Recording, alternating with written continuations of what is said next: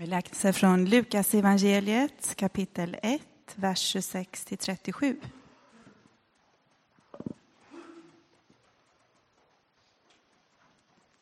I den sjätte månaden blev ängeln Gabriel sänd från Gud till en ung fläcka i staden Nasaret i Galileen. Hon hade trolovats med en man av Davids släkt som hette Josef och hennes namn var Maria. Ängeln kom in till henne och sa var hälsad, du högt benådade. Herren är med dig. Hon blev förskräckt över hans ord och undrade vad denna hälsning skulle betyda. Då sade ängeln till henne var inte rädd, Maria. Du har funnit nåd hos Gud. Du ska bli havande och föda en son och du ska ge honom namnet Jesus. Och han ska bli stor och kallas den högstes son. Herren Gud ska ge hans fader Davids tron. Och han ska härska över Jakobs hus för evigt och hans välde ska aldrig ta slut. Maria sade till ängeln, hur ska detta ske? Jag har ju aldrig haft någon man. Men ängeln svarade henne. Helig ande ska komma över dig och den Högstes kraft ska vila över dig. Därför ska barnet kallas heligt och Guds son. Elisabet, din släkting, väntar också en son nu på sin ålderdom. Hon som sades vara ofruktsam är nu i sjätte månaden. Ty ingenting är omöjligt för Gud. Maria sade, jag är Herrens tjänarinna. Må det ske med mig som du har sagt. Och ängeln lämnade henne. Så lyder det heliga evangeliet. Lovad vare du, Kristus. Be gärna med mig. Tack Gud för att du verkar i denna stund. Tack för att vissa av oss känner av det och kan tacka för det. Men tack för att du, oavsett om vi känner av det eller inte, verkar i denna stund och vill dra alla människor till dig för det goda. Amen.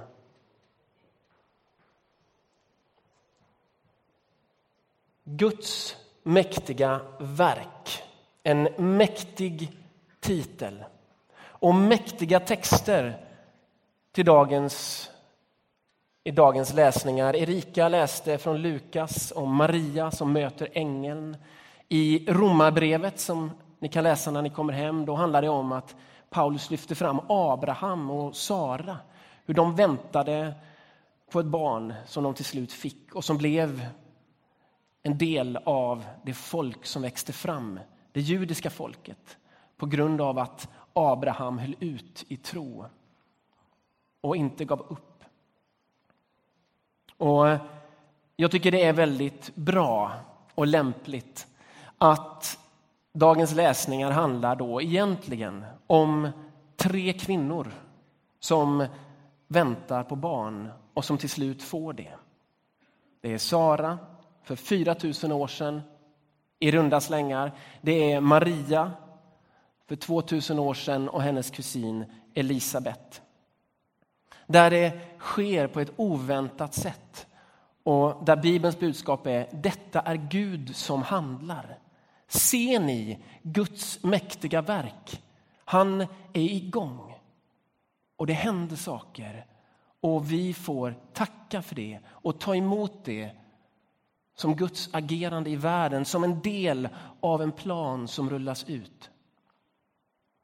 Och om det är så att du kan höra de här berättelserna och rikta ett tack uppåt och se att detta är Guds mäktiga verk så vill jag att du ska fortsätta med det. Det är en otrolig styrka att kunna tacka och ge Gud äran för den här typen av mirakulösa ingripanden. Fortsätt med det. Och är det så att det finns ett litet frågetecken hos dig. Ett frågetecken som gäller glappet mellan rubriken och texterna, Guds mäktiga verk, dessa ingripanden och din egen verklighet. Om det finns ett frågetecken i det glappet mellan det som påstås i Bibeln och det du ser omkring dig, kanske i ditt eget liv eller i andras liv, om det finns ett glapp där som gör att det är svårt för dig att ta till dig de här texterna. Då vill jag tala till dig nu. Eller till den delen av dig där de frågorna finns. För jag har ett sånt rum där det finns den typen av frågor. Och det handlar ju om att det finns många kvinnor som har bett om barn, och män också, och som inte har fått det. Och det är inte otroligt att du sitter här i detta rum på något sätt. Eller vid internet. Och då kan det vara så att det finns ett skav mellan Guds mäktiga verk och dessa kvinnor som får barn sent i livet ibland och ibland väldigt tidigt i livet. Och din egen erfarenhet. Men det finns ju mycket annat som kan skapa ett sånt skav. Det räcker att vara människa. Att det inte har blivit som du tänkte och att det gör ont att det inte har blivit som du tänkte. Och där har vi nog alla varit, eller är, från tid till annan. Om du inte är där själv så ser du i världen att det är inte som det var tänkt. Det är inte Guds mäktiga verk nere i Syrien, inte vad vi kan se, utan det är mycket annat som händer där. Och så vidare och så vidare. Vi ser ett skav, någonting som inte stämmer. Jag ska tala om det lite grann. Och jag ska göra det med en bild. En bild som jag tycker är ganska enkel att få fatt i. Ehm, och jag hoppas att ni ska tycka det också. Det handlar om hur viktig elektriciteten har blivit i vår värld. Ja. Ehm, för det är ju så att elektricitet, det är det som får världen att gå runt. Och hur har det hänt? Hur har det hänt att vi idag har elektricitet överallt? Förutom att vi består av nervimpulser så sitter elektriciteten bokstavligen i väggarna på våra liv och i våra fickor. Här är min lilla telefon som drivs med elektricitet. Och vi kan inte göra någonting nästan utan elektricitet. Om någon skulle bestämma sig för att slå ut elektriciteten så skulle våra liv stanna vi skulle inte längre höra varandra lika väl. Eller hur? Hur är det på läktaren? Ja, det, det hörs bra ändå. Bra. bra. Men de som lyssnar på detta imorgon eller övermorgon, de hör ingenting nu. Eh, tack så mycket. Johan, Edvin, snyggt. För det är så att vår kommunikation, våra transporter, vår eh, mathållning är beroende av kylskåp, frys, mobiltelefoner, bilar, tåg, flygplan, till och med våra cyklar är nu mera, många av dem, liksom eldrivna. Alltså, el är jätteviktigt. Det sitter i väggarna, det sitter i själva våra liv, hur de sitter ihop med varandra. Hur har det blivit så? För den som växer upp i detta så är det ju fullkomligt självklart att det är så här. Och jag har ju vuxit upp med el. Eh, jag vet inte, till exempel min mamma.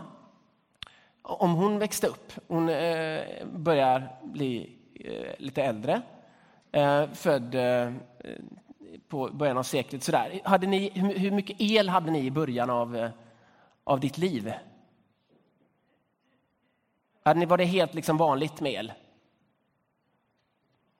Ja, du vill inte svara på det, du vill inte kommentera, jag förstår. Du är inte förberedd på detta heller. Men det, finns, det, finns, alltså, det har inte alltid varit så, om man säger så. Det har inte alltid varit så. Utan det har varit så för att när det blev kväll, då blev det mörkt.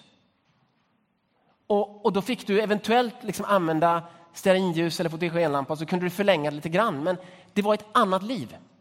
Hur har det blivit så? Jo, för länge sedan så upptäckte Thales, en grek på 600-talet före Kristus, att om man gnider en bärnsten då skapas det en attraktion till den bärnstenen. Statisk elektricitet säger vi idag. Detta var 600 före Kristus. Och det var ingen som direkt byggde vidare på detta förrän på 1500-talet då William Gilbert och andra forskade vidare på vad, vad, står detta för? Och då fick vi den här termen elektricitet som går tillbaka på det latinska eh, ordet för bärnsten. Ja, men du kan ta nästa. Eh, det här är ett, ett par grodben. Och, Eh, det var en man som hette Galvani, Luigi Galvani som på slutet av 1700-talet eh, upptäckte att de här benen kunde stimuleras till rörelse som om grodan levde. Det var en död groda, döda ben. Men med el så kunde man få en väldigt verklighetstrogen rörelse. Så han drog slutsatsen att el är någonting som gör att människor och djur kan röra på sig. Så el är en del av människan. Och så började man sätta ord på detta och man börjar se vad är detta för någonting.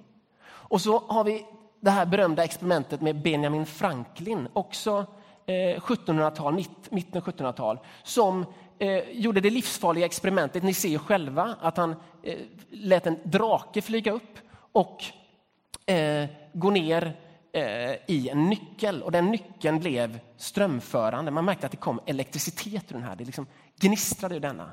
Och så märkte man att åskväder och blixtar, det är elektricitet. Det hänger ihop med det här som är i kroppen. Och så kunde man börja göra batteri. Utifrån Eh, de här grodbenen så kunde man börja förstå hur man kunde göra ett batteri med flera metallplattor ovanför varandra, zink och koppar, och så kunde man liksom få ut ström. Och sen så leder detta vidare. På 1800-talet så får vi telegrafen, telefonen och sen får vi radion och tvn. Och sen till sist smartphones. Vi får glödlampor i våra hem. Vi får ström in i väggarna på våra hus så att vi kan sätta igång dammsugaren, diskmaskinen, tvättmaskinen. Så att vi idag, om, vi skulle, om, om elen skulle slås ut, så då står vi oss slätt. Men det som är idag, det började som en observation 600 före Kristus. Bärnsten. Hmm. Och sen tusen år senare så fortsätter man detta. Man plockade upp det här. Man tänkte att ja, det ligger någonting i detta, låt oss undersöka detta. Och så börjar man sätta ord på det. Elektricitet. Och så såg man att det finns i kroppen och så satte man ord på det och så såg man att det fanns i naturen och så började man själv kunna göra det, man kunde sätta det i bruk och så spred det sig vidare. Varför berättar jag detta? Jo, därför att det hände två saker i den här processen som jag redan varit inne på. Det första var att man såg någonting och förstod någonting och satte ord på det. Det var det ena som hände. Man såg saker som redan fanns. Det var inte så att Galvani uppfann strömmen. Det var inte han som skapade nervsystemet, men han satte ord på det, såg att det var så det var. Precis som Franklin såg att det är el i blixtar. Man såg. Och det händer någonting när man ser, för då förstår man och så kan man bygga vidare på det.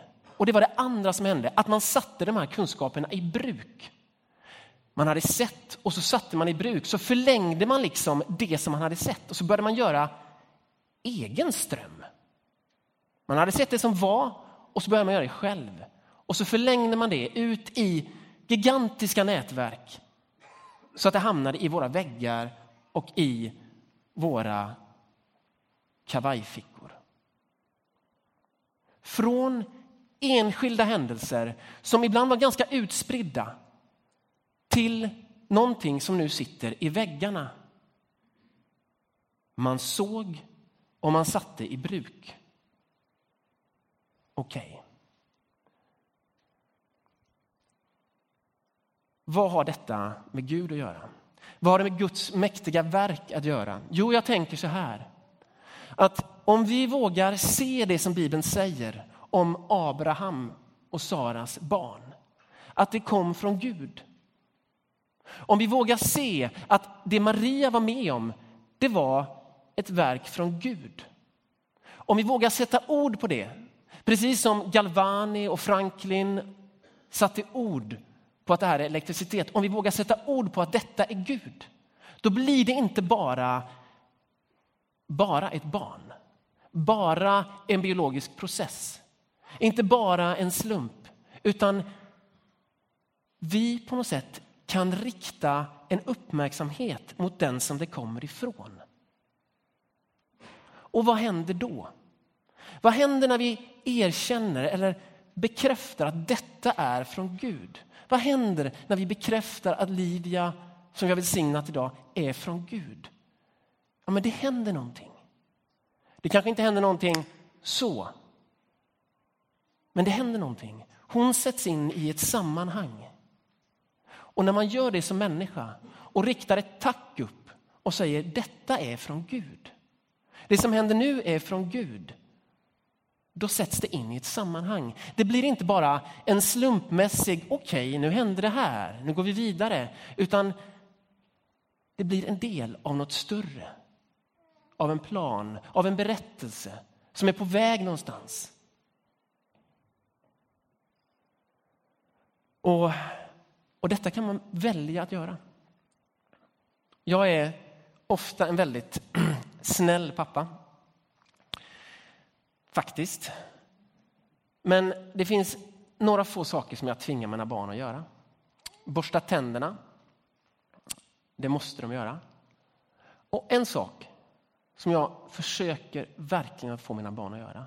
Det är att när dagen är slut och den har rullat på och de har ätit god mat och de har lekt med kompisar, de har gått i skola eller förskola, de har haft världens bästa föräldrar som har tagit hand om dem. Då i slutet så vill jag att de ska tacka för någonting. Nej, men jag har inget att tacka för. Nej, jag tackar för att jag tackar för att jag tackar. Nej. Jag vill att du ska, du ska tänka på någonting idag som har varit bra, som du kan tacka för. För det gör någonting med ditt liv. Att du ser det som har varit bra och påminner dig om att det här är inte självklart. Och jag kan inte tvinga dem att säga att det är Gud, för det måste, men jag kan säga att jag ser det som att allt gott som du är med om, det kommer från Gud. Och då händer det någonting. När vi ger Gud äran för det. Då är det som att vi förstår det lite mer. Det är inte bara, okej, okay, idag blir det så. Det är inte bara slump, utan vi sätter ord på det. Vi förstår det lite mer. Det blir en del av en berättelse om någonting som är på gång om någonting som varit på gång länge. Det är inte bara ett barn. Det är Guds gåva. Och Det som händer då, det är ofta att man kan faktiskt sätta detta i bruk. Alltså, när de hade gjort de här experimenten på grodor och blixtar och batterier och så, då började man kunna förlänga det. Man började kunna sprida det. Och det är det som har hänt. Man kan sätta kristen tro i bruk också. Det var det som krävdes för att det överhuvudtaget skulle bli till. När Abraham i Romarbrevet prisas för sin tro, att han trodde fastän allt hopp var ute, fastän de borde inte kunna bli med barn, så är det som prisas att han inte gav upp, att han trodde. Och sen så blev det ett barn. Och sen fick det barnet barn. Och sen så fördes det vidare. Och Maria, hon fick frågan. Ängeln sa, var inte rädd. Ja, men hur ska det gå till? Hur ska det gå till? frågar Maria. Och så förklarar ängeln och så säger han, ingenting är omöjligt för Gud. Och så funderar hon och så säger hon, okej, okay, låt det ske med mig som du har sagt. Så bjuder hon in detta skeende i sitt liv. Hon sätter det i bruk. Och så händer det någonting. Och så föds Jesus och så kan vi följa vad som händer, hur Guds plan förs vidare. hur tron förs vidare. Och det är någonting som vi alla kan göra. Därför du har också fått en kallelse från Gud. Det är därför den här gudstjänsten finns här. Det är därför den här kyrkan finns här. För att säga att du är inbjuden i en rörelse som har börjat för länge sedan och som är på väg mot en värld där inga sorger ska finnas. Där alla ska kunna leva tryggt. Den framtiden är du på väg till och du är inbjuden i den rörelsen. Du har fått en förfrågan. Kanske inte så bokstavligt som Maria som möter en ängel, men du får den av mig idag via Bibeln, via det som händer i den här kyrkan. Du är älskad och du kan ta emot Gud i ditt liv. Du kan överlämna dig, som vi säger ibland, till en sådan tro. Och då förs den vidare. Då förs tron på en Gud som är god, som vill dig allt gott. Då förs den vidare. En tro som Maria besjunger, om ni fortsätter att läsa det som Erika läste, om ni fortsätter att läsa det här så får ni höra Marias lovsång. Där hon riktar tacket till Gud. Den Gud som ser de utsatta, som ger de fattiga mat, som visar rika tomhänta från sig, som förbarmar sig över sitt folk. Alltså, den tron kan gå vidare genom ditt liv. Så kan du föra vidare den. Och det börjar här, denna stund, inte imorgon utan här. Den kan börja genom att du går fram till det här bordet och sträcker ut dina händer och säger ja.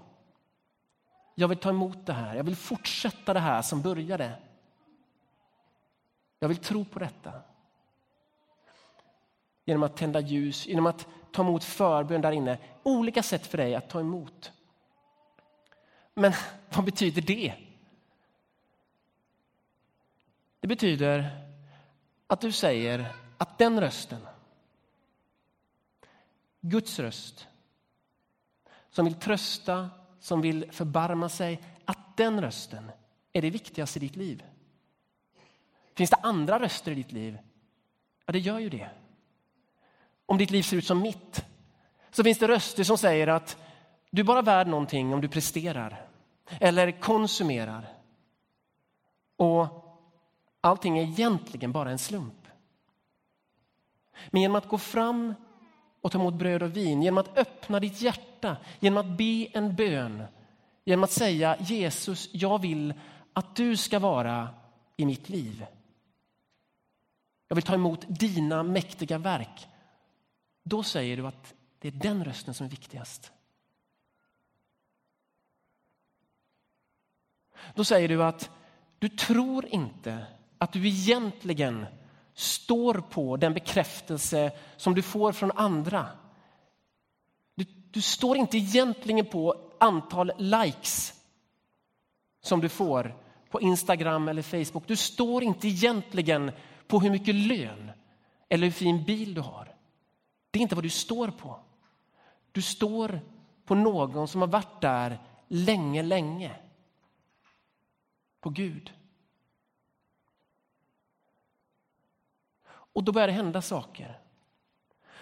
Då kanske du kan våga lite till. För det kan vara så att ditt liv är hopplöst just nu. Det kan vara så att du har kämpat länge och det har inte gått. Guds mäktiga verk är liksom inte för dig. Och då säger de här texterna att det är det. Även om du inte har sett det ännu så är det det. Håll ut. Ingenting är omöjligt för Gud. Då kanske du vågar säga nej till frestelserna. Då kanske du vågar säga ja till det där uppdraget. Att åka till ett annat land och visa kristen tro där. Då kanske du vågar göra ditt företag lite annorlunda. Kanske blir din bilverkstad den ärligaste i hela stan. Kanske blir du den konstnär som lyckas visa på Gud i det du gör. Om du vågar tro lite till. Idag också.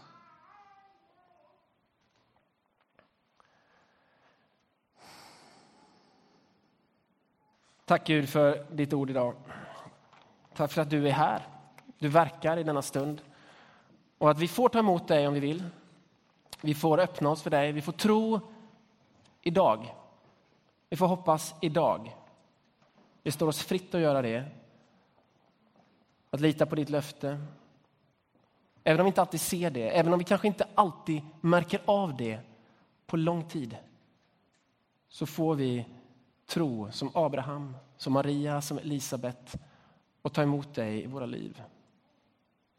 Amen.